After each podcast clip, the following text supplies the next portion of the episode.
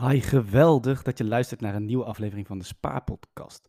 Dit is alweer de ene laatste aflevering van seizoen 4. En om knallend het seizoen af te gaan sluiten heb ik een financieel zwaargewicht uitgenodigd.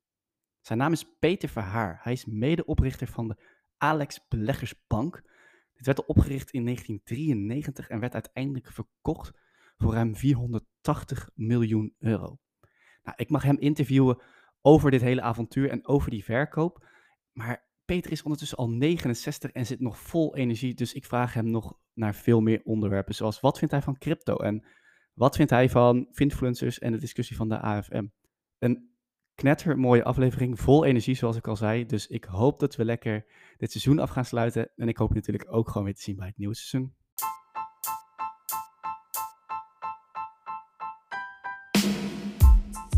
Voordat we beginnen wil ik eerst nog even kort onze partner Bright Pensioen bedanken, die het mogelijk maakt om deze content te maken. Bright Pensioen is een social enterprise die duurzame pensioen- en vermogensopbouw biedt. Hi Peter, fantastisch dat je er bent. Ik, heb, uh, ja, ik kijk wel een beetje tegen je op. Je hebt al zoveel meegemaakt en zoveel gezien in de wereld dat ik nu al weet dat dit een heel boeiend gesprek gaat worden. Ja. Um, en ik heb natuurlijk heel goed voorbereid. Ik, uh, ik, ik, heb in de intro al verteld, je 22 keer bij Pauw en Witteman, financieel expert. Uh, nou, je hebt momenteel nog verschillende adviesfuncties, maar volgens mij kun jij jezelf nog veel beter voorstellen dan ik. Dus zou jij jezelf kunnen voorstellen voor de luisteraar die je nog niet zo goed kent? Nou, dat is goed. Laat ik, uh, de meeste mensen zullen mij kennen als uh, medeoprichter van, uh, van Alex Beleggersbank. Wij, René, René en ik hebben de bank opgericht. We zijn in 1993 zijn we al zijn we ermee begonnen, toen internet nog helemaal niet bestond zelfs. toen, toen hadden wij het idee om al een volledig geautomatiseerde beleggingsdienst op te zetten, maar dan via de druktoetsen van je telefoon. En dat bleek toen al zo'n gro verschillend groot succes te zijn. Dat we ergens in 98 zeiden van. Ja, we, we moeten nu. Uh, we gaan of doormodderen met, deze, met ons huidige systeem. Of we gaan iets heel nieuws opzetten. En dan via internet. En dat is toen Alex geworden. Dat is zeg maar in 98, 99 gestart. Uh, enorm succes. Uh, het is verkocht voor 480 miljoen. Wow. Dat is echt wel iets. Dat was in die tijd een van de allergrootste deals die hier in Nederland gedaan zijn. Uh, Bink kocht ons. Bink is mijn grote concurrent. Uh, al mochten er Alex mensen of Bink mensen meeluisteren, dan weten ze dat ik altijd zei: de, de A is de A van staat als eerste in het alfabet. Is staat voor kwaliteit. En de B, ja, die komt er altijd een beetje achteraan. Dat, dat was Bing. Ja, maar toch werd je gekocht. Door de en toch werd ik gekocht. ja. ja, en dat is een. Dat is een en dan moet ik. En alle eerlijkheid zal ik het zeggen, dat is een zure appel. Uh, de kredietcrisis heeft dit veroorzaakt. Uh, wij waren toen al in. Uh, we hadden al overeenstemming dat we gekocht zouden worden door een Amerikaanse investeringsmaatschappij. We ja. waren al een aantal keren naar Amerika gevlogen om het een en ander allemaal te regelen. maar door de kredietcrisis hebben die Amerikanen die hebben van de ene op de andere dag de geldkraan dichtgedraaid. En toen ging de overname niet door. En je moet je realiseren, wij waren een, uh, wij waren een dochter van Rabobank. Rabobank was de grote aandeelhouder. En die wilde ons verkopen. Dus ja, die, toen ging die overname niet door. En toen zei Rabo, ja, pech gehad, dan verkopen we toch aan Bink. En dat is jammer voor ons geweest, want het betekende dat René en ik moesten het veld uh, ruimen. We werden feitelijk, als ik het zo mag zeggen, ontslagen. Uh, en ja, we moesten allemaal wat anders gaan doen. dus dat is jammer. Uh, ik had liever doorgegaan. En ik denk ook wel af en toe, waren we doorgegaan, waren we nu zeker een van de allergrootste financiële instellingen in Nederland geweest. Niet alleen met beleggen, maar ook met allerlei andere dingen als betalingsverkeer. Zeg maar wat Bunk nu is. Ja. Ik denk dat dat, dat, dat zou Alex geworden zijn. Ja. Nou, daar kennen de meeste mensen mij wel van. Uh, in 2008 dus stopte het. Uh, toen, ben ik, toen dacht ik, wat ga ik met mijn leven doen? Uh, toen, heb, toen dacht ik, weet je wat ik doe? Ik ga maak een reis naar China met een aantal ondernemers. China was toen nog niet het land wat, het, wat China nu is. En tijdens die reis door China, toen, uh, toen kwam ik in aanraking met Twitter.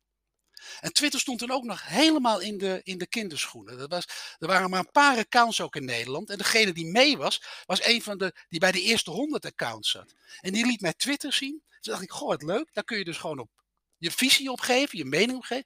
Toen ben ik gaan twitteren in, vanaf 2008. Ja. ja, en dat, is, dat doe ik overigens nog steeds. En ik, ben, ik, ik heb veel fervente volgers. En op basis van het feit dat ik op Twitter zo ongezouten mijn mening gaf over het financiële systeem, ehm, vroeg de televisie, zou je niet wat willen doen, de radio. En toen ben ik eigenlijk in dat hele uh, lezingencircuit terechtgekomen. Dat duurde zeg maar tot 2013, 2014. Toen was de kredietcrisis eigenlijk voorbij. Hadden ze geen behoefte meer aan uh, iemand zoals ik. En toen ben ik een, heb ik een aantal adviesfuncties genomen. Ik zit in de Raad van Advies van de Volksbank. Ja. Vierde Bank van Nederland.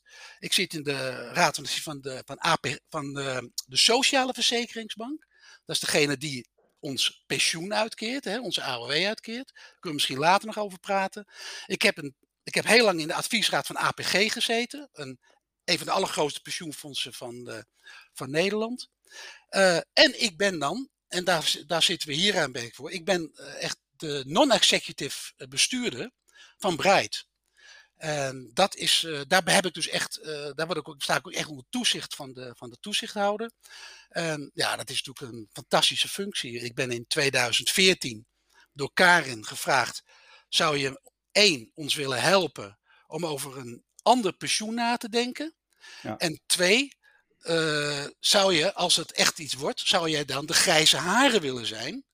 De wijze oude man die de vergunning voor ons uh, kan binnenhalen. Nou, zo, dat is gebeurd. En uh, we zijn begonnen echt met, met twee man en een paardenkop. Met nul klanten. En dat is nu toch een, echt een, een, hele leuke, een heel leuk pensioenbedrijf geworden. Wat echt nu ook uh, winst maakt en, en echt zelfstandig zal, zal, ja, zal kunnen voortbestaan. Daar ben ik wel echt heel erg trots op.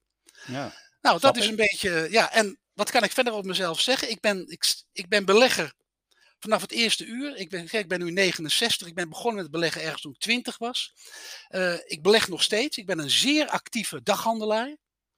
Uh, aan de ene kant. En twee, uh, heb ik een klein potje aandelen die, ik, die ik nooit verkoop. Mensen die mij volgen weten dat dat Shell is.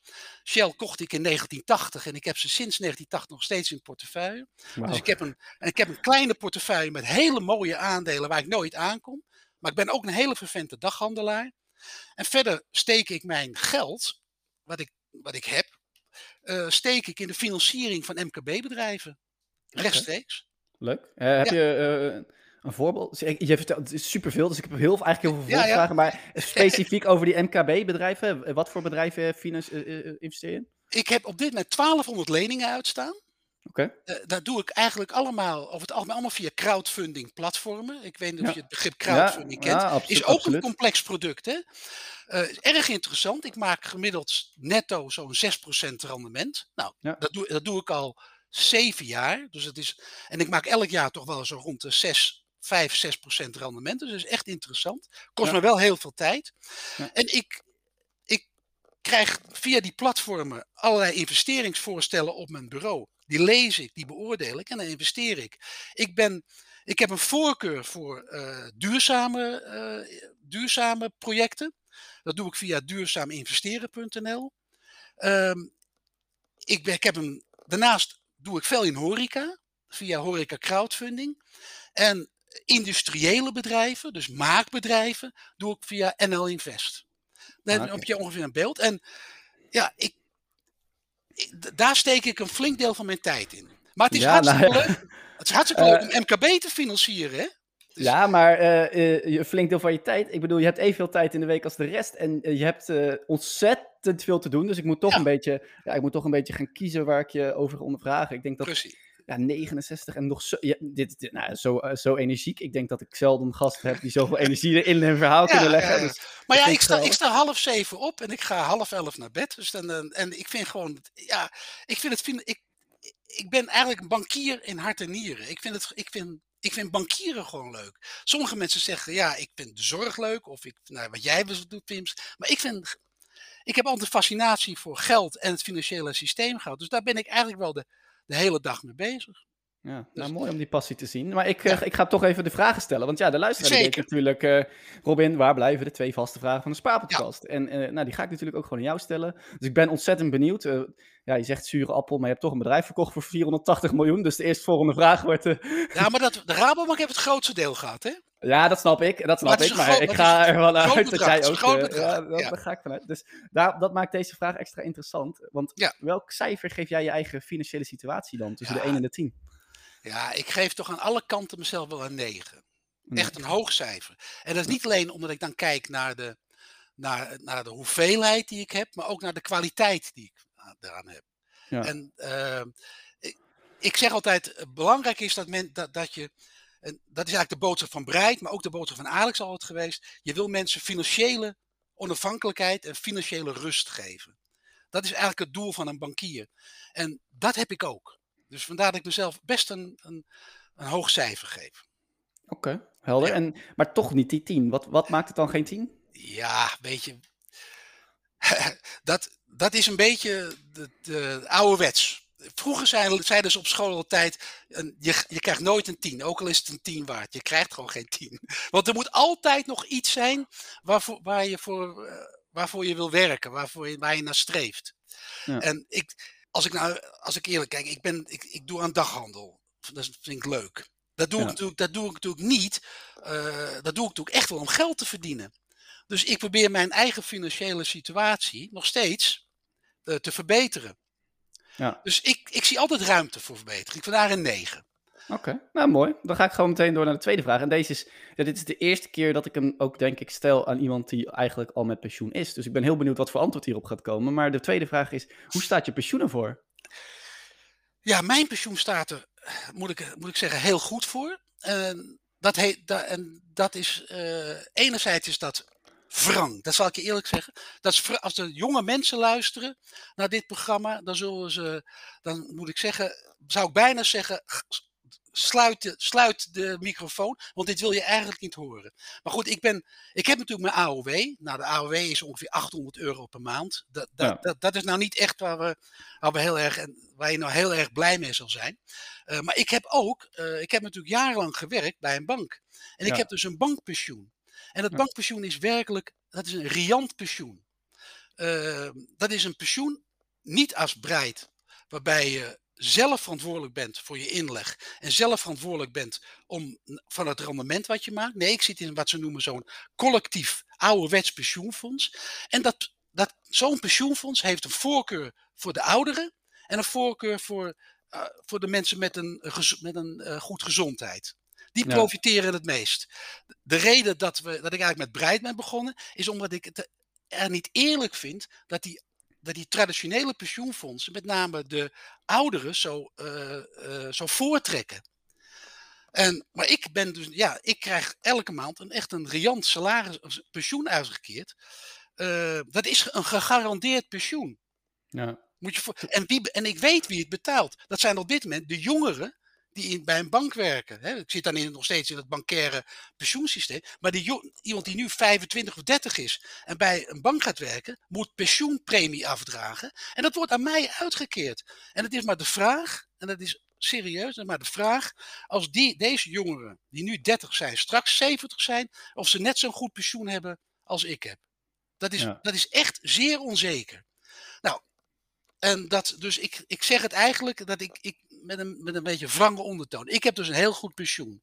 Ja. Daarnaast heb ik natuurlijk toch, ja, door de verkoop van Alex en door, door de beleggingen, heb ik natuurlijk ook nog een, zeg maar wat ze noemen een pijler 3 pensioen opgebouwd. Dat is eigenlijk mijn, mijn spaargeld. Ja. Dus ik, ik, kan, ik kan niet anders zeggen. Ik heb het, eh, ik noem, ik- mijn, mijn financiële financiële situatie is gewoon goed te noemen. Ja, nou ja, Ja. Dat, ik bedoel, ik snap, de- ik snap de wrange ondertoon. En, Ja. maar ja, en, en op, op jouw manier probeer je zo te horen ook wel weer wat terug te doen. Omdat uiteindelijk, ja, want je kan heel simpel zeggen, dan stort je het toch terug. Of eh, even heel simplistisch gezegd, maar je probeert op jouw manier wel eh, daar verandering in te brengen en bewustzijn te creëren. En je bent er wel mee bezig. Dus het is, het is een wrange, op- ja, het is wrang. Nou ja, het is wrang omdat, kijk, ik, met, met Breit vechten we eigenlijk. We, we zit- kijk, we zijn toen met Breit begonnen, eh, Karen en, en, en later Sjaak, omdat we allemaal dachten dat wat ze noemen de grote verplichtstelling, en daarmee bedoelen ze dat iedereen, als je bij een, dat je bij een, als je bij een bank gaat werken, moet je in het pensioenfonds van de bank. Je hebt geen keuze. Je mag niet zeggen tegen de bank, ik ga, ik ga niet bij jou, maar ik ga naar Breit. Of je gaat in, bij de zorg, dan moet je in het pensioenfonds van de zorg. Als je ambtenaar bent, dan moet je in het pensioenfonds van de ambtenaren. Je hebt geen keuze. Dat wordt genoemd de grote verplichtstelling. Wij dachten allemaal in 2014, die, die, die, dat, dat verplichte pensioen, dat gaat wel een keer verdwijnen.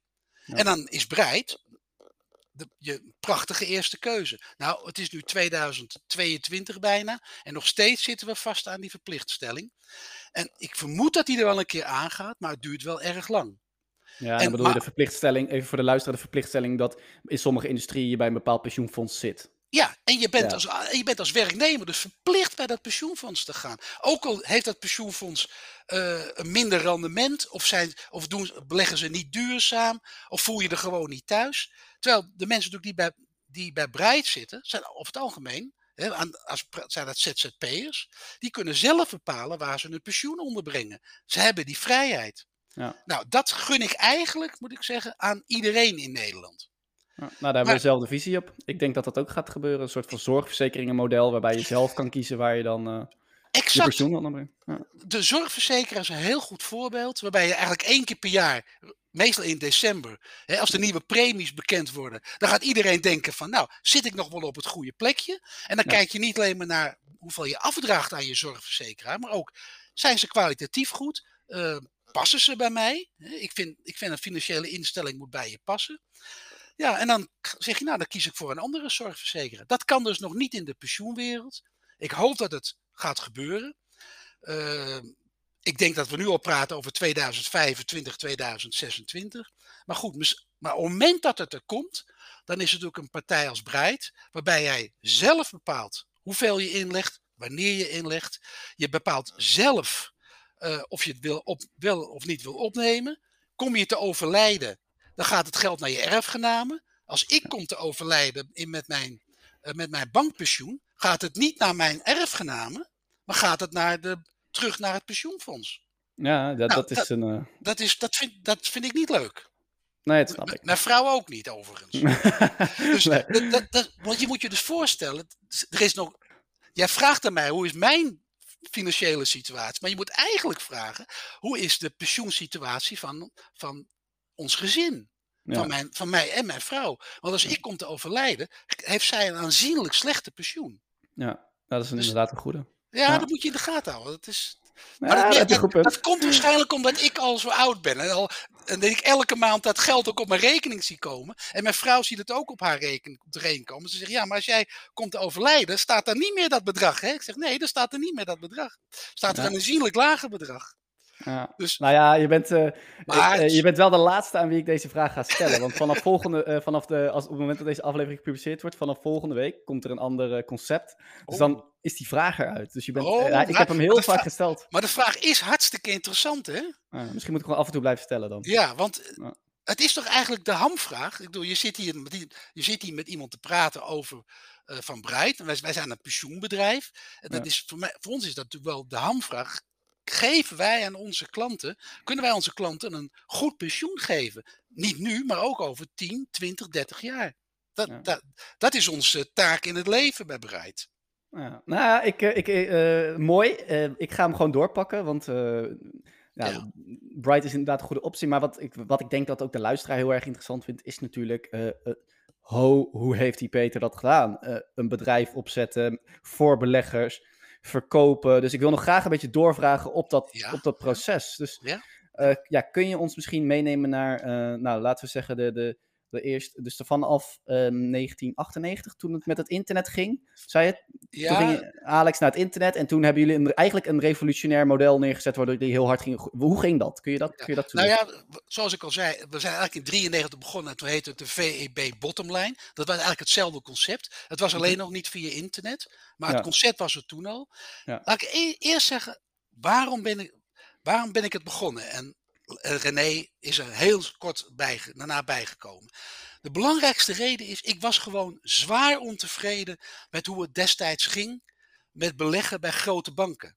Het was duur, het duurde eindeloos lang. Je kreeg altijd minder, als kleine belegger, altijd minder informatie dan de grote beleggers. Kortom, ik was gewoon ontevreden met het product. En ik denk zelf dat, ik zie, ik, nog ik financier MKB-bedrijven en je ziet altijd dat als je dat als je aan mensen vraagt waarom ben je dit bedrijf begonnen, dat ze zeggen ja, ik was gewoon zeer ontevreden met hoe het, hoe het ging voordat ik er was. Dus een, een, een slecht product, daar denkt een ondernemer bij, hey, dit kan beter. En dat is eigenlijk het begin van je bedrijf. Zo ben ik er ook mee begonnen. Ik heb gewoon gezegd, ik had een leeg vel. En ik heb gezegd, als ik nou, als ik nou opnieuw begin, hoe zou het er dan uitzien? Nou, en dat is de blauwdruk uh, van, van Alex geweest. We zeiden van één, het moet, het moet gewoon snel gaan. Nou, daar hebben we internet voor. We moeten zoveel mogelijk de menselijke component eruit slopen. Want die, die maken fouten en die geven vertraging. Nou, dat internet bood ons die omstandigheid. En we zeiden van, beleggen was destijds voor de elite. Je, het was duur. En wij kozen toen voor een, uh, echt voor een revolutionair uh, prijsmodel, waarbij we zeiden, de maxi bij, bij, ons betaal je een maximum provisie per transactie. En we, hadden toen, des, we kregen toen klanten binnen die soms wel 3000 euro provisie betaalden voor een bepaalde transactie op de beurs. En bij ons was het 325 euro. Ja. Altijd 325. Klaar. Dat is altijd de max. Ja, dat was de max. Nou, tegenwoordig, als je nu zegt, nou, dat was de max, dan denken mensen aan hele andere dingen altijd. Maar destijds waren, was, konden wij dat nog zeggen, dit is de max. Ja. En dat was een. Dat, en de grootbanken, dus de ABN AMRO's en de ING's en de Rabels, waren woest over dit systeem.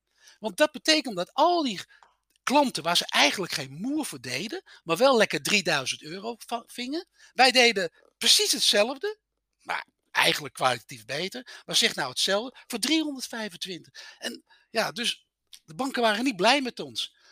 Maar ze konden ons ook niet stoppen. En dat is, een, uh, ja, dat is toch het, het succes geweest. Dat, dat, de blauwdruk heb je je verteld, het verdienmodel. Ik zou, ja. zeggen, nou, zou ik zeggen, wat is de, de, de derde factor is. Um, er ging geen product bij Alex de deur uit als ik het niet zelf had gekocht. Zoals ik al tegen je zei, ik ben belegger. Dus ik snap, ik snapte, of ik denk dat ik snap wat beleggingsproducten zijn. En dan heb ik het niet over de vraag: gaat een aandeel omhoog of omlaag? Of ga je veel of weinig rendement maken? Ik keek vooral: snappen mensen, snappen mensen het product? Um, gaan ze geen onverantwoordelijke risico's aan als ze het product afnemen? Dat testte ik af, van tevoren af. En pas als ik akkoord had gegeven, werd het product ook daadwerkelijk kwam het in ons, uh, ons schap te liggen en namen klanten het af. En ik denk dat dat heeft ons behoed voor uh, intransparante producten, waarbij eigenlijk het er vooral om ging hoe kan de financiële dienstverlener zoveel mogelijk verdienen en niet hoe kan de klant verdienen en wij verdienen. Want als wij geen geld verdienen, kan de klant ook niet beleggen. Hè? Dus het is, we hebben altijd gezegd, het is altijd een soort, het is een soort symbiose tussen ons. We moeten ja. allebei geld verdienen. Ja, nee, je, je vroeg aan mij van tevoren, heb je een anekdote? En, ik, oh, ja? schiet, en nu schiet er even wel eentje te binnen. Ja? Uh, wij waren natuurlijk een jonge partij. Wat, ja, wij hadden geen, wij waren niet als de grootbanken met, met, met databases met klanten erin. Dus wij moesten echt de boer op. Dus wat deden wij? Wij kochten gewoon random adressen in Nederland. En we organiseerden dan in een hotel, organiseerden wij een meeting. En daar, daar, daar kwamen vaak wel tussen de 200 en 500 mensen kwamen dan naar zo'n hotel toe om naar ons te luisteren. En toen had ik altijd gezegd, wat ik doe is, ik doe de eerste 30 minuten of de eerste 45 minuten. Dan maken ze kennis met mij, met de oprichter. Dan weten ze wat voor vlees in de kuip hebben. En daarna mochten al mijn medewerkers, dat waren altijd allemaal studenten over het algemeen, die mochten dan proberen die klanten daadwerkelijk binnen te krijgen. En wat zei ik altijd tegen die klant? Dan stond ik op het podium en dan zei ik al tegen, de, tegen, dan zei ik tegen die klant: let op wat er gaat gebeuren.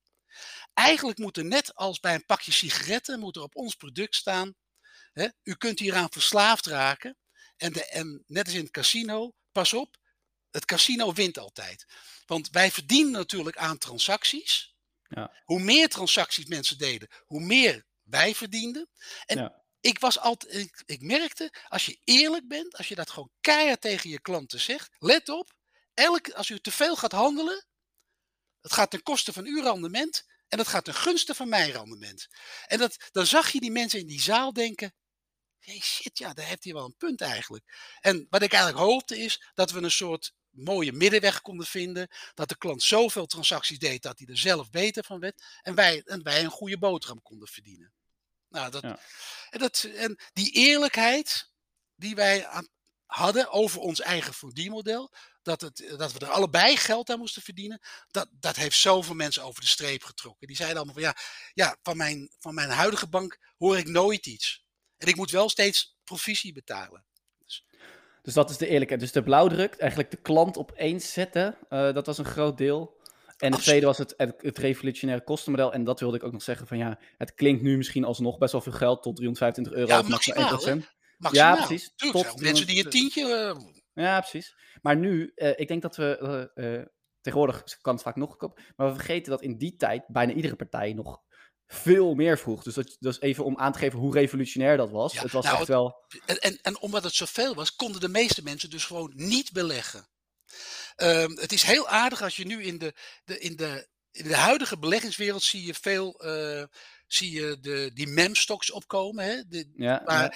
Uh, en, daar hoor, en je ziet ook het, het, het uh, verdienmodel opkomen. Dat je, dat, kijk, als, laten we aannemen, zeg, kies even een aandeel als, uh, als Adyen, wat heel bekend voor bedrijven. Maar Adyen kost gewoon één aandeel, kost toch gauw 5, 2600 euro. Dat is voor de meeste mensen natuurlijk gewoon veel te veel geld. En wat je nu in deze tijd ziet, is dat ze gezegd hebben, nou, maar je kan ook een honderdste aandeel Adyen kopen. De technologie biedt ons die mogelijkheid. Als Alex nu bestaan had, hadden wij het uitgevonden. Dat weet ik zeker. Want wij wilden, wij wilden beleggen ook uh, toegankelijk maken voor mensen met weinig geld. Ja. Dus, ja, dat is jullie goed gelukt volgens mij, want jullie eh, zijn gegroeid naar uh, ruim meer dan 100.000 klanten. Nou ja, en uiteindelijk... Nee, we hadden 300.000, meer dan 300.000. Oh, meer dan 300.000, wauw. Ja, ja, ja. dat, waren, dat zijn heel... We waren echt, toen wij op ons hoogtepunt, zeg maar 2007, 2008, waren wij veruit de grootste financiële instelling in Nederland. Hè? De helft van alle orders in Nederland, dus effectentransacties, ging via ons. De helft, maar, hè? maar hoe kon het dan toch, en dan misschien prik ik nu in een wond, maar hoe kon het dan toch dat jullie, uh, nou ja, of, of, dat de Rabobank het afdwong dat jullie verkocht moesten worden? Uh, want je zegt, ja, ik wilde nou, doorgaan, we waren de grootste. Ja, waarom, waarom nou ja, ja, kijk, Rabobank had de meerderheid, de meerderheid van de aandelen. En wij, uh, en wij hadden gewoon een conflict. Wij, wij kwamen steeds meer in een conflict met de Rabobank. In de zin dat Rabo een traditionele grootbank is, die toch. En nou misschien trap ik dan op tenen, die niet het belang van de klant altijd voorop hadden staan. En wij wel. En we kwamen, er was gewoon wrijving. En, het, dit, en dit klinkt achteraf eigenlijk heel apart. De reden dat we, dat we zeiden, we moeten gewoon uit elkaar, dus verkoop ons alsjeblieft, was dat wij met Alex wilden eigenlijk een, pensioen, een pensioeninstelling worden. Ala Breit eigenlijk. Ala Brand. En Rabo, die zei, dat ga, dat, jullie krijgen geen toestemming daarvoor. Want daarmee gaan jullie te veel concurreren met onze producten. En hmm. dus er ontstond wrijving. En wij zeiden van nou, uh, verkoop ons. En Rabobank had het geld ook keihard nodig. Want ze hadden zelf een enorm groot verlies geleden. Dus ze hadden dat geld ook nodig. Dus ze wilden ons ook verkopen. En, nou, en ik vertelde, wij waren al bijna verkocht aan een Amerikaanse investeringsmaatschappij. Wat wij graag wilden. Ja, dat is dan niet gelukt. Ja, en toen Kwam, kwam Bink. Nou ja, zo is het leven gegaan. Ja, nou ja. Het is no hard feelings. Is er iets wat je anders zou hebben? Was er een mogelijkheid geweest om dan uh, niet alle aandelen eerder naar Rabo te krijgen? Of niet in ieder geval de meerderheid? Of had je, zou je achteraf iets anders hebben gedaan? Um, zeker, zeker, zeker, zeker. In, in, de, um, in deze tijd zou ik de, zouden wij de bunk methode hebben gevolgd. Hadden we gewoon gezorgd dat we de aandelen volledig in zelf hadden. Hadden we private investeerders gevonden die ons wel wilden financieren. Dat was in, dat was in de 93, 98 gewoon geen optie. Uh, grote investeerders waren niet bereid te stappen in een. Kijk, nu vindt iedereen start-ups iets heel normaals. Maar dat was in 93, 94. Start-ups via internet was echt nog niet zo normaal hoor. Uh, vooral het, uh, ook het woord geautomatiseerd. Geen mensen ertussen. Dat, dat, dat, dat, dat gaf eerder zo van, nou, daar wil ik niks mee te maken hebben. Dat vind ik eng. Dus de wereld is, moet ik zeggen, de technologie is enorm veranderd. Ja, maar, ja, je, moet je, uh... maar je moet je ook je voorstellen, ik ben bij de bank gaan werken, bij de Ambro Bank gaan werken in 78. Toen, hadden, toen bestond er helemaal geen computer nog. Hè? Ik heb nog op een typemachine leren werken. En ik heb de personal computer zien binnenkomen. Ik heb de eerste mobiele telefoon heb ik, heb ik in mijn handen gehad. Ik was een van de eerste met een smartphone in 1999. Een Blackberry. Dus ik heb die ontwikkeling allemaal. Het, het leuke van een technologie vond ik altijd dat ik zeg van. Ik keek ernaar, ik testte het en ik dacht: Jezus, dit, moeten we, dit is interessant voor onze klanten, dit moeten we gaan doen. En zo hebben we wel steeds heb ik nieuwe technologie geïncorporeerd in ons, hebben we dat in ons bedrijf. Zeker ook omdat René Vrijters natuurlijk een echte ICT-achtergrond had. Nou, dan konden, dat ook, konden we het ook doen. Uh, dus ik zeg je, had ik het anders, als ik het nu nog een keer zou doen, in deze tijd, zou ik het anders doen. Zeker. Ja. Zou ik de, nogmaals, ik, zeg, ik zou de bunk-methode volgen. Wat ook geweldig, wat een ongehoord succes is hoor. Ja, nou ja, zoals je al zegt, tijden veranderen en je hebt veel gezien. Zijn er dan ook, uh, uh, ik denk dat het, dat het onderwerp Alex dan even een beetje af... Zijn er dan ook dingen in de huidige wereld waarvan je... Nou, hebt onder andere adviesfuncties, maar ook uh, toezichtsfuncties. Uh, nou, er is, de laatste tijd is onder andere... nou, er wordt wel eens wat geroepen over finfluencers. Ja, ja. Over, ook over um, partijen die, nou ja, zero commission propaganderen waar ze dat oh. niet doen. Um, wat zijn dan, uh, jij zegt ook tegelijkertijd, nou, op Twitter geef ik wel eens lekker mijn mening. Dus wat zijn dan wel die dingen waarvan jij zegt, nou, die zou ik hier wel eens aan willen halen in de Spaarpodcast? Nou, eh, ik, ik, ik zou over, over zero commissions, als over uh, finfluencers wil ik iets zeggen. Eén, uh, zero commission. Grote, grote, grote bedriegerij. In onze wereld is er, zeggen we altijd, there's no such thing as a free lunch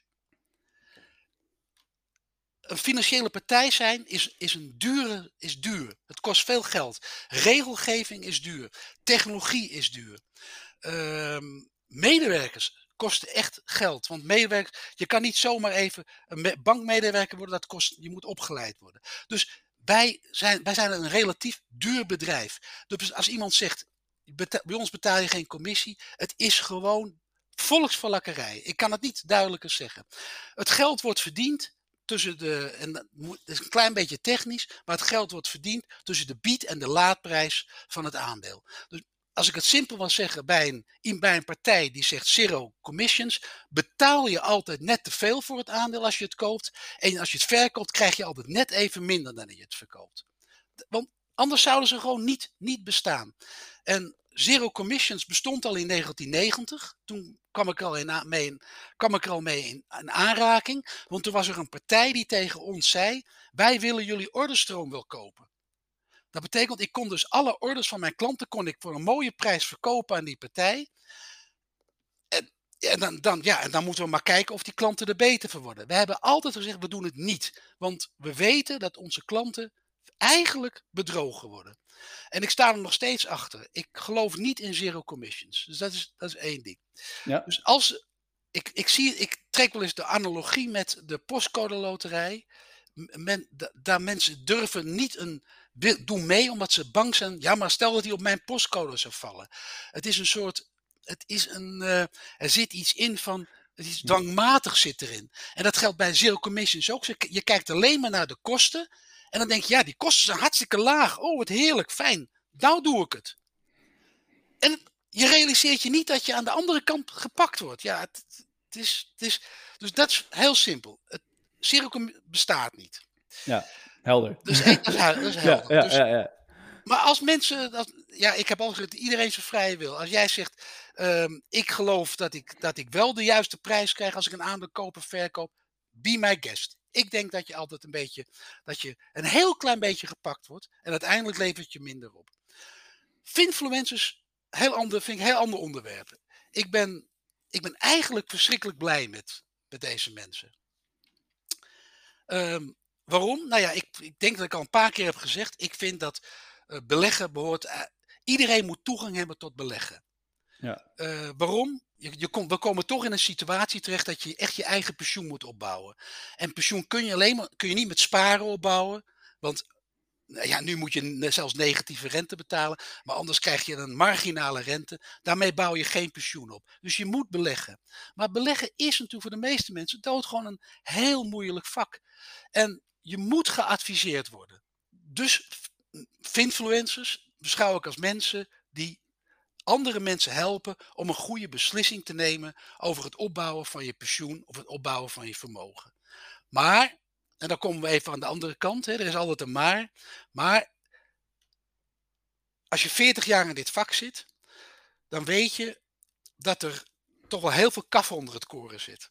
Heel veel mensen zeggen dat ze expert zijn, maar hebben, zijn, hebben het eigenlijk niet. En zijn eigenlijk alleen maar erop uit om voor zichzelf een mooi verdienmodel te hebben. Dus ik was eigenlijk wel blij met dat uh, AFM-verhaal. Uh, wat, nu in, wat deze week in de krant stond. Waarbij de AFM gaat zeggen: wij gaan toch goed kijken. Moeten we deze mensen niet een vergunning, vergunningsplichtig maken? En ik denk dat dat zinvol is. Want een vergunning dwingt je tot bewijs dat je, een, dat je voldoende kennis hebt van de producten. Zeg het maar, het is eigenlijk gewoon het halen van je rijbewijs. We laten ook niemand zomaar de weg op gaan zonder een rijbewijs. Dat, dat vindt, voor de persoon in kwestie is dat niet prettig. Maar voor de andere rijgebruikers is dat ook niet fijn als iemand eigenlijk niet kan autorijden. Dus we willen met z'n allen halen een rijbewijs. Nou, dat zou je, op, dat zou je als Vinfluencer ook moeten hebben. Dus een rijbewijs voor de, uh, voor, de, voor de kennis van het product. Weten wat voor vlees je in de kuip hebt. Want advies geven, een, een advies, ik pak even een willekeurig aandeel koninklijke olie. Dat kan voor de ene klant een heel goed advies zijn, maar voor de andere klant juist geen goed advies zijn. Als je adviseert, moet je ook een klein beetje weten wie zit er tegenover mij? Wat zijn dat voor mensen? Wat is hun risicoprofiel? Dat leer je als je vergunningsplichtig bent. Dat noemen ze in mooie term know your client. Nou, ken je klant. En drie, ik vind de, de financiële wereld moet gereguleerd worden. Uh, ik beschouw de overheid hier echt als de marktmeester. Die moeten, de, die moeten het kader vaststellen, die moeten de regels vaststellen en die moeten sancties kunnen opleggen. Dat zorgt ervoor dat, dat, uh, dat mensen die met financieel. Kijk, als je met geld omgaat, is er altijd de besmetting dat mensen verkeerde dingen met geld doen. Dat roept geld gewoon op. Dat is iets menselijks. Dus we hebben een marktmeester nodig, een overheid nodig, die ons, die ons zeg maar inkadert. Ja. Nou, daar ben ik, uh, dat is ook de reden dat ik met bereid dat wij ook onder het toezicht staan van een vergunninghouder. Mensen die bij ons, die bij ons een pensioen onderbrengen, weten dat wij voldoende kennis hebben, dat we de klant eerst goed hebben leren kennen. En dat we de regels kennen. En dat er sancties zijn als we het niet goed doen. Dan raken we onze vergunning kwijt. Nou, dat, is, dat moet ook met Finfluencers gebeuren. Het is voor sommigen heel vervelend hoor. Maar de goede, de goede gaan bovendrijven. En, wat je, en nog een laatste punt. Ik denk, als je denkt, ja, hij blijft maar door uh, ratelen. Nou, ik vind dat mooi. lekkere, sterke mening. En ja, uh, ik, ik kan er wel van genieten. Ik moet er nog een vierde punt bij zeggen dan het, het huidige verdienmodel van veel influencers, en ik moet zeggen, bij Breit kennen we er ook een paar, die, uh, dat is een, wat ik noem een pervers model. Die worden betaald als de, als de, als de klant die ze adviseren een product afneemt. Ja. Dat is, eigenlijk is dat verboden. In, in 2014 is, is, de, is de, eh, de, de provisiewet in werking getreden. En die verbiedt dat mensen geld verdienen aan producten als ze die adviseren. Dat mag niet gewoon niet meer. En dat is terecht, want er ontstonden echt grote, uh, grote mistoestanden. En toch moeten influencers, als ze willen, moeten wel geld verdienen. Want nogmaals, er is ook in die, die wereld no free lunch. Dus ik zou pleiten voor een abonnementsmodel. En, als, en dan moeten mensen maar gewoon betalen. Ik, doe, kijk, ik, ik zit nou in een podcast. Het is voor mij als oude vent, moet ik eerlijk zeggen, een nieuw fenomeen. Ja. Ik, zit, ik, ik luister zelf naar één podcast. Het is de podcast van Yves uh, Geiraat en Erik de Vlieger. Altijd op vrijdagavond. Gaat over nou, van alles en nog wat. Maar ik moet daar gewoon voor betalen. Die jongens rekenen me geloof ik 10 euro per maand. Nou, dat is het model wat influencers ook moeten gaan hanteren. En als je goed bent, als je een goed advies geeft en mensen zeggen ik voel me thuis daarbij, zijn ze ook bereid voor je te betalen. Nou, en dan, dan zijn ook die perverse prikkels weg. Want dan zal het jou een zorg zijn uh, naar welke dienstverlener de klant gaat. Jij zorgt er alleen maar voor dat de klant kennis krijgt van alle producten. En dat hij op basis van, van kennis van de klant. Nou, dat product is, zou voor jou het beste daar en daar passen. Nou, dat, dan, uh, dan, dan, dan moet ik zeggen, want influencers vullen de, de, de leemte in die banken hebben laten liggen. Vroeger waren banken de adviseurs. Maar banken hebben al hun adviseurs ontslagen. Die zijn weg. En Alex, mijn oude club, wij zeiden bewust, wij geven geen advies. We hebben nooit advies gegeven. Wij zeiden, dat doen we niet. Bij ons moet je het zelf maar uitzoeken.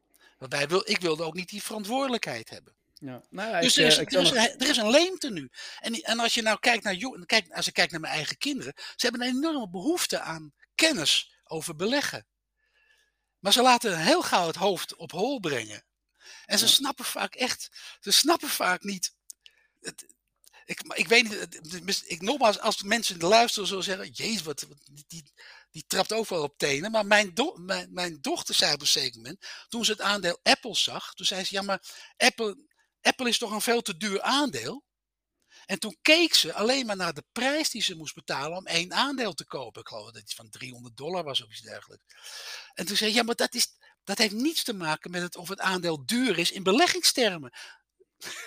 maar ze begreep het gewoon niet. Dus, Ja. ik denk, dus er is enorm veel uit te leggen. Nou ja, je ziet mensen nu heel, heel veel richting crypto gaan. Nou, daar, daar heb ik ook een visie Oké, over. ja, kom maar, kom maar. Die wil ik dan ook nog. Dan, dan eh, als laatste, eh, eh, nog heel, zal ik nog eerst nog heel even Nee, ja, op ja, wat je zei ja, over influencers. En Jij bent, in, jij, bent in de, jij bent de regie, dus jij bepaalt. Nou, eh, je, je, je weet het anders lekker door te vertellen. Dus maar nog Ja. heel even terugkomen op dat influencers. Ik denk, Ja. eh, jij hebt een goed punt. Er ligt een grote informatiebehoefte. En die gaat tegen, dat ga, hoe je het- of je het leuk vindt of niet, dat gaat veel meer gebeuren door, door openheid en door social media kanalen, waaronder dus ook influencers. Zeker. Ehm, ik denk wel dat, een, dat, er een dat er een hele moeilijke stap zit. Dus eigenlijk hetzelfde voor Bright. Want je, je zegt ja, het is heel moeilijk om die vergunning te halen en, en, en dit en dat. En dat kost ook veel geld. Dus als je dat moet hebben, dan is het bijvoorbeeld voor mij super moeilijk om te beginnen. En, ik, ik, ik strijd al twee jaar voor transparante content rondom pensioenen. Dus Ja. dat zou bijna betekenen dat ik niet ehm, ook die toets niet haal. En, en dat zou ik. Kijk, uiteindelijk ga ik wel door en, en ga ik linksom of rechtsom die toets halen. En misschien zo'n oude grijze man vinden die mij daarbij kan helpen. Maar ehm, het Ja, is. ja, Het is ehm, dus ik, ik twijfel daar wel eens of het het juiste model is. En plus, je zegt ook een abonnementsmodel. Ik denk ook, ja, dat zou ik idealiter voeren. Alleen, nog, ik kan dat nog niet in deze fase. Want dan heb ik, krijg ik, en daarom ben ik zo blij met de samenwerking zoals deze. En ik heb dat ook aan al mijn partners aan het begin gevraagd. Van, ik wil niet betaald krijgen per klant, maar kan ik een vaste vergoeding krijgen? Eh, dat vond ik al een veel eerlijker model. Nou ja, nog niet iedereen wil daar meegaan, sommige partijen wel. Dus het is, er is een soort van, wat mij betreft, een soort van ja, middenweg ook. Want als het vanaf het begin af aan al heel moeilijk is, had ik nooit echt niet boven kunnen drijven. Dan was die steen te zwaar om naar boven te drijven. Oké, daar wil ik best wel wat over zeggen. Ik gaf je mijn ideaalbeeld. Ja, Maar ik snap dat is heel moeilijk als je een starter bent. Dan is het Ja. juist erg, dan is het lastig. Maar dan kom ik eigenlijk terug op mijn andere punt. La, als, ik ben wat ze noemen een rule-based persoon. Dat betekent ik, ik wil regels hebben. Laat dan de AFM gewoon de regels voor het verdienmodel opstellen. Waar iedereen zich aan moet houden. Ja. En wat mij betreft, nou chargeer ik een beetje, maar als dat, als dat verdienmodel zou zijn, dat we, een, dat we een klein beetje stelen van de klant, maar we doen het allemaal en het is in de openheid en de toezichthouder heeft, kijkt ernaar, dan is het voor mij betreft ook niet erg. Het zou niet mijn ideale model zijn. Ik vind dat het een abonnementsmodel moet zijn. Maar als het per transactie zou moeten, vind ik ook uitstekend, maar dan voor iedereen en niet verdekt, hè, waarbij je het als klant niet weet. En dan heb je weer een sterke regelgever nodig die dat in de gaten houdt. En dat zou misschien in de overgangsperiode, hè, je, want ja, je moet eerst uitgeven, de kost gaat voor de baat uit. En het uitgeven, als je echt onder toezicht staat, is duur, dat begrijp ik ook. En je hebt nog helemaal geen inkomsten. En je hebt niet altijd een spaarpotje wat je kan aanruimen. Dus dan moet, misschien moet je voor start-ups een, een soort middenweg creëren, maar dan moet die duidelijk zijn voor iedereen. ja, ja, en dat- dan moet dat- die ook in, in koeienletters, wij spreken, op je website staan.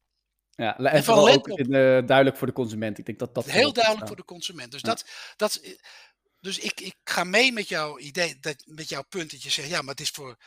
Dat, dat helpt eigenlijk de, de grote, de grotere, die hebben daar baat bij. En de kleintjes die net moeten beginnen, hebben daar, die hebben er nadeel van. Dat, dat, dat onderken ik. Dus daar zouden we moeten kijken naar een, naar een tussenweg. Maar als het maar, als het maar voor de klant duidelijk is. En nu is het voor. Ik, ik, zie dus wel een paar van die influencers voorbij komen. En dan denk ik van, maar realiseer, zou de, weet de klant dat hij naar een bepaalde dienstverlener gestuurd wordt? En weet, Nee. de, weet de klant hoeveel geld die dienstverlener betaalt? Want ik zou dan ook, eerlijk gezegd, dan wil ik ook, ik zou dan als breid ook willen zeggen, hey, ik betaal aan deze, aan deze influencer zoveel geld. Dat krijgt hij van mij. Dan weet je het. Dus ik ben voor open en eerlijk dan. Nou, ik denk, uh, jij noemde dat voorbeeld op, de, aan het, op in het hotel. Dat je zei van, ik ben heel eerlijk.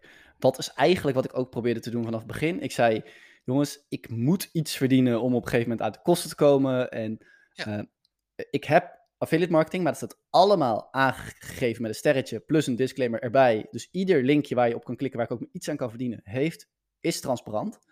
Uh, en die eerlijkheid heeft ertoe geleid dat ik dus onder andere nou, bij Bright uh, in de picture kwam en bij andere bedrijven. En uh, ik had vorige week nog mensen in de, op Instagram in de chat die zeiden: uh, om jou te steunen, ben ik naar je website gegaan en heb ik uh, mijn dingen afgesloten via jouw linkjes. Omdat ik op die manier bij kan dragen aan jouw content. Ja. En ik dacht, kijk, nu is het een echte bewuste keuze van die mensen. En dan is, vind ik dat helemaal oké. Okay. Maar jij hebt er last van dat anderen het niet doen. Klopt, ik heb... En dus, en dus moet je ook pleiten voor, voor een goed regelkader. Waarbij iedereen. Ja, maar daar, doe ik al twee jaar. Ja, nee, precies. Maar goed, ik, ik zeg. zeg uh... hè, als, als de toezichthouder meeluistert met deze podcast. Alsjeblieft, AFM Zorg ervoor dat er een level playing field komt voor alle, alle partijen. En dat de goede niet lijden onder de slechte. Nou, ik heb ze gevraagd, maar ze willen niet eens met me bellen. Dus uh, ik heb nee, geen, dat... hele hoge, geen hele hoge pet op van de AFM. Dus, uh... Robin, ik, ik snap dat. En mhm. ik moet je zeggen, ik ben ook kritisch op de, op de regelgeving. Maar aan de andere kant, het is de enige partij die we hebben. Het moet, ja. het moet, van, het moet komen van dit soort partijen. Want 40 jaar omgaan met geld. Ik weet hoe makkelijk, hoe snel je besmet raakt met het met het, uh, ja, hoe moet ik het zeggen, met het uh, hebzuchtprincipe. Ja. Ik iets meer dan jij. Ja. Oké, okay, nou ja, goed. Uh, nou, nog één laatste ja, om het precies. af te sluiten. Dan, crypto. Ja, wat vind je van crypto? Ja, dat vind ik een. Ik, ik, ik stond in 2014 op het allereerste crypto-congres. Dat is nou, 2014. En uh, toen stond de, dat was, werd georganiseerd door, door Vincent Evers, een bekende, bekende man in deze wereld hoor. Uh, en toen stond de bitcoin 10 cent. Dat was 10 cent. En ik weet dat ik, ik heb het nog eens laatst nog voor iemand anders teruggeluisterd. En toen zei ik tegen mensen, ja, kijk, als, het, voor mij is het, een, het is, het wordt of een betaalinstrument of het is een beleggingsinstrument. Toen heb ik gezegd, nou, als betaalinstrument geloof ik er, geloof ik er niet in. Dat gaat het echt niet worden. In 2014. Zeg ik, als beleggingsinstrument, ja, dat, dat, zie ik wel zitten. Dat zou heel goed kunnen. Goud is ook een fantastisch instrument. Uh, alleen, zal ik erin stappen? Nee, want ik, ik hou altijd, ik wil weten waarom iets omhoog gaat en waarom iets omlaag gaat. Ik snap dat bij crypto niet. Ik snap het wel bij een bedrijf als Koninklijke Olie of Adyen. Daar kan ik de jaarverslagen lezen. Ja, dus ik ben er toen niet ingestapt op 10 cent. Nou, dan uh, kun je wel ongeveer wel. Als je praat over goed pensioen, dan weet je. Dat, ik had er, had ik er maar één gekocht, hè? Voor 10 cent. Wat, ja. Wat, ja. Nou, dus ik, ik, ik, heb mijn, ik hulde nog steeds hetzelfde, dezelfde visie, ook nu in 2022. Als betaalmiddel zie ik het heel, geef, ik het geen, geef ik het geen kans. De onderliggende technologie, blockchain, wel degelijk. Ik, ik ben daar net voor deze week nog mee in aanraking gekomen. Dat, voor in de muziekwereld, waar blockchain een heel interessant medium kan zijn om uh, auteursrechten te beschermen. En om te zorgen dat de, de schrijver van een liedje altijd een beetje geld krijgt. Daar kan die blockchain fantastisch voor zijn. Ja. En als beleggingsinstrument zeg ik nog steeds, ja, hij staat nu 50, 60.000, weet ik voor wat. Ik, het, is, het is een mooi beleggingsinstrument, maar niet voor mij. Ik snap het niet, ik kan er niks mee. Dus... Ja, dat is misschien ook wel weer een tip. Uh, alleen beleggen in dingen die je snapt. Dus als je niet begrijpt hoe de uh, prijs van een aandeel Apple tot stand is gekomen, zou je het niet moeten doen. Datzelfde geldt voor crypto. Zo is het. Dat, dat, en ik ben, ik ben, dat is vrij principieel. Ik, ik heb het ook niet gedaan. Ik heb het wel getest. Ik, ik, heb, ik ben, dat, en dat maakt het alleen maar vanuit geld ook op de zure natuurlijk. Ik heb, ik heb een crypto gehad. Ik heb ja. het toen uitgetest bij Bitonics of iets dergelijks. Dat was een van die eerste aanbieders. Ik snapte er geen ene moer van met al die wallets en hoe dat ging. En toen kreeg je de geruchten van dat als je je sleutel kwijtraakte, zie je nooit je geld meer terug. Toen dacht ik van nou nee, dat, dit, dit moet ik niet doen. Dit is niks voor mij. Ik word zenuwachtig. Ik slaap niet lekker. Nou, dat is ja. ook een goede tip. Ja. Ga niet beleggen in iets als je s'nachts denkt, heb ik het goed gedaan? Dan moet je het niet doen. Stop ermee. Besteed het uit aan iemand anders. Ga naar een goede adviseur toe. Ja, nou, dat is de hele intro van de Spaarpodcast, Peter. Dus uh, dankjewel ja. voor deze visie. Ik denk dat daar zitten we 100% op één lijn. En uh, ja. ja. ik zou het. Uh, misschien heb jij ook gelijk. moet ik gewoon alsnog dat gesprek een keer aangaan met de AVM. In ieder geval weer mailen en daar de tijd voor nemen. Want veel andere opties heb ik niet. En aan de andere kant, ik bedoel, er is nu al iets in gang gezet. En daar kan ik alleen maar heel blij mee zijn. En ik denk ook. Robin, bewustwording na aanleiding van dat artikel in het NRC, kun je natuurlijk, moet je ook contact opnemen met ze. En je moet zeggen, ik wil, ik wil het goed doen. Jongens, vertel me, hoe kan ik het goed doen? Ik, ja. Als je mijn hulp nodig hebt, dat, dat is wel grappig hier op de podcast. Ik wil je graag helpen om in, in, in dat traject, net als ik Breit heb geholpen. Ja, nou, dankjewel. Ik zou ze ook graag uh, met hun dat gesprek aangaan. Inderdaad, met wat jij zegt van help mij het goed doen. Ja. Maar ja, nu wordt er gezegd, ja, mail je vragen. Ja, dan ja. denk ik ja. Ja. Poeh, uh, het leukste onderzoek, maar ik roep dit al twee jaar op Instagram. En in die tussentijd heeft niemand van jullie doorgehad dat ik dit al twee jaar roep. Ja, dus ja. dan weet ik niet of je doet goed, niet goed je onderzoek, of je, ja, bedoel, ik had me dan om input gevraagd. Ik ga kijken of ik ook toch nog de AFM ook nog via met mijn positie ook nog toch dat meer actie kan, uh, kan overhalen. Want het is een Zou, belangrijk onderwerp. Zou uh, goed zijn. Er is nog veel meer nodig dan dit. Ik vond het uh, ja. goed. Ik was er blij mee. Maar tegelijkertijd, mijn visie op dat hele influencer verhaal is, het is niet genoeg. Nee, we zagen ook deze week weer. Uh, een, een, bekende Nederlander, bekende voetballer, die mag wel een, een meme coin promoten. Die mag hem pump en dumpen. Maar als ik hier pensioencontent probeer te maken, kan, wordt het mij heel moeilijk gemaakt. En krijg ik die, die steen om mijn nek om ook maar iets te verdienen. Terwijl ik er eigenlijk nog nooit iets aan heb verdiend. Nou ja, wat ik, dus wat ik zei, level playing field. De goeie moeten niet onder de kwade lijden. Nou, ja. er, ligt een, er ligt een mooie taak. Ook ja, voor mij. Absoluut. Absoluut. Ben, nog niet nou, te oud, ik... ben nog niet te oud om hier nog weer, ook weer aandacht en voor uh, te gaan eisen. Ja, nou ja, dank je. Dan ga ik gewoon samenvatten nogmaals. Want ja, je hebt uh, ontzettend veel verteld. Je visie gegeven onder andere nou, op crypto, op influencers. Maar ook uh, op hoe dat ging met de, de Alex Vermogensbank. En toch ook wel of uh, beleggersbank. Beleggersbank, excuus, ja. Excuus. Ja, op Wikipedia staat dan ook nog vermogensbank. Dus daarom zit ja, het maar in dat mijn zijn hoofd. we niet. Dat zijn nee, we dat klopt, dat klopt, dat klopt. Dus je had het al gezegd, maar het zit ja. nog in mijn hoofd. en uh, ja, uh, ontzettend veel verteld over, ook over de eerlijkheid in die systemen. En, waar, en waarom je nog zo energiek bent om dat allemaal te veranderen. En wie weet kunnen we inderdaad iets voor elkaar betekenen. Dus ik hoop sowieso dat de luisteraar het uh, ja, gaaf vond om, om jouw verhaal te horen. En waar kunnen ze je volgen op Twitter? Of uh, wat is handig ik, als ze meer van jou hebben? Nou ja, het is heel simpel. Ik ben, uh, ik heb natuurlijk, omdat ik zo vroeg bij Twitter was, heb ik natuurlijk een fantastische Twitternaam. Peter Verhaar. Peter Verhaar. Ja, dat is mijn Twitternaam. Ja, het is nou. geweldig. Dat, in die tijd kon dat nog. Ja. ik, was, nou ja, ik, ik was wel een van de eerste. Ja, daar kun je me vinden. Okay. En, daar kunnen, en, de, de, en als mensen vragen hebben, dan moeten ze ze daar stellen. Dat is, ik beantwoord bijna altijd alles. Ik ben heel actief ook op Twitter. Ja, je vraagt, ja, waar haal ik de tijd allemaal vandaan? Maar het lukt me wel altijd. Dus, dus... Knap. Nou ja, ik denk, het gaat zo vaak over pensioen in de Spaarpodcast. En de energie waarmee jij hier zit en de dingen die je nog doet. En dat je eigenlijk gepensioneerd bent, maar doorgaat. Dat, ik denk dat dat is ook waar die gehele uh, gezamenlijke visie van mij en ja. onder andere dan ook de partner, in dit geval Bright, voor staat van daar gaat het om in het leven. En, en, en dat, jij bent bevoorrecht in dat opzicht met een goede verkoop, maar iedereen kan dit bereiken. Ik denk dat dat uh, iets is wat ik met mijn podcast hoop uh, ja, ik, ik zou, iedereen kan, met de kant, kanttekening, dat niet iedereen in zo'n gelukkige omstandigheid is. Dus dat betekent dat met pensioen moet je vroeg beginnen. Je, kan, je bent, je, en als je, maar, als je zegt, ik heb niet veel, dan begin je maar met een heel klein bedrag. Want het fenomeen van rente op rente, ook zoiets, hè, wat heel weinig mensen echt begrijpen, die exponentiële ja. groei, die ontstaat alleen maar als je heel vroeg begint. Desnoods met een heel klein bedrag. Ja. En dat is ook het aardige doek van Breit, omdat we zeggen, ja, het maakt niet uit hoe klein je bent, je kan altijd beginnen. Ja. Dus je doet, dat is een goede zaak voor de, podcast, voor de spaarpodcast. Die eigenlijk ja. pensioenpodcast dus eigenlijk moet heten. Hè? Nee, ja, kijk, dat is, uh, ik ga het gewoon niet een heel jaar lang over pensioen hebben. Okay. Ik bedoel, het is, een, het is een belangrijk onderwerp, maar ik, uh, ik, ik, ik, ik maak de spaarpodcast en ik, ik ben eigenlijk twee dingen. Ik, maak, ik ben host van de spaarpodcast en ik ben pensioenbewustmaker en die twee dingen die doe ik. Heel goed. Die mix ik af en toe en dan... Uh... Oké, okay, nou, nogmaals, nogmaals dank, nogmaals dank. En Oké. Okay. ja, we spreken elkaar denk ik in de toekomst nog een keer. Uitstekend, dankjewel. dankjewel. Goed.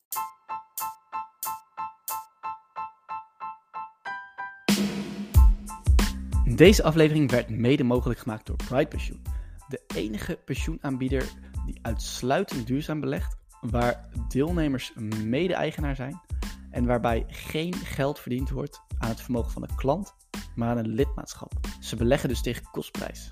Mocht je besluiten om je pensioen te gaan regelen, dan zou het leuk zijn als je hiervoor ook Bright Pensioen zou willen overwegen.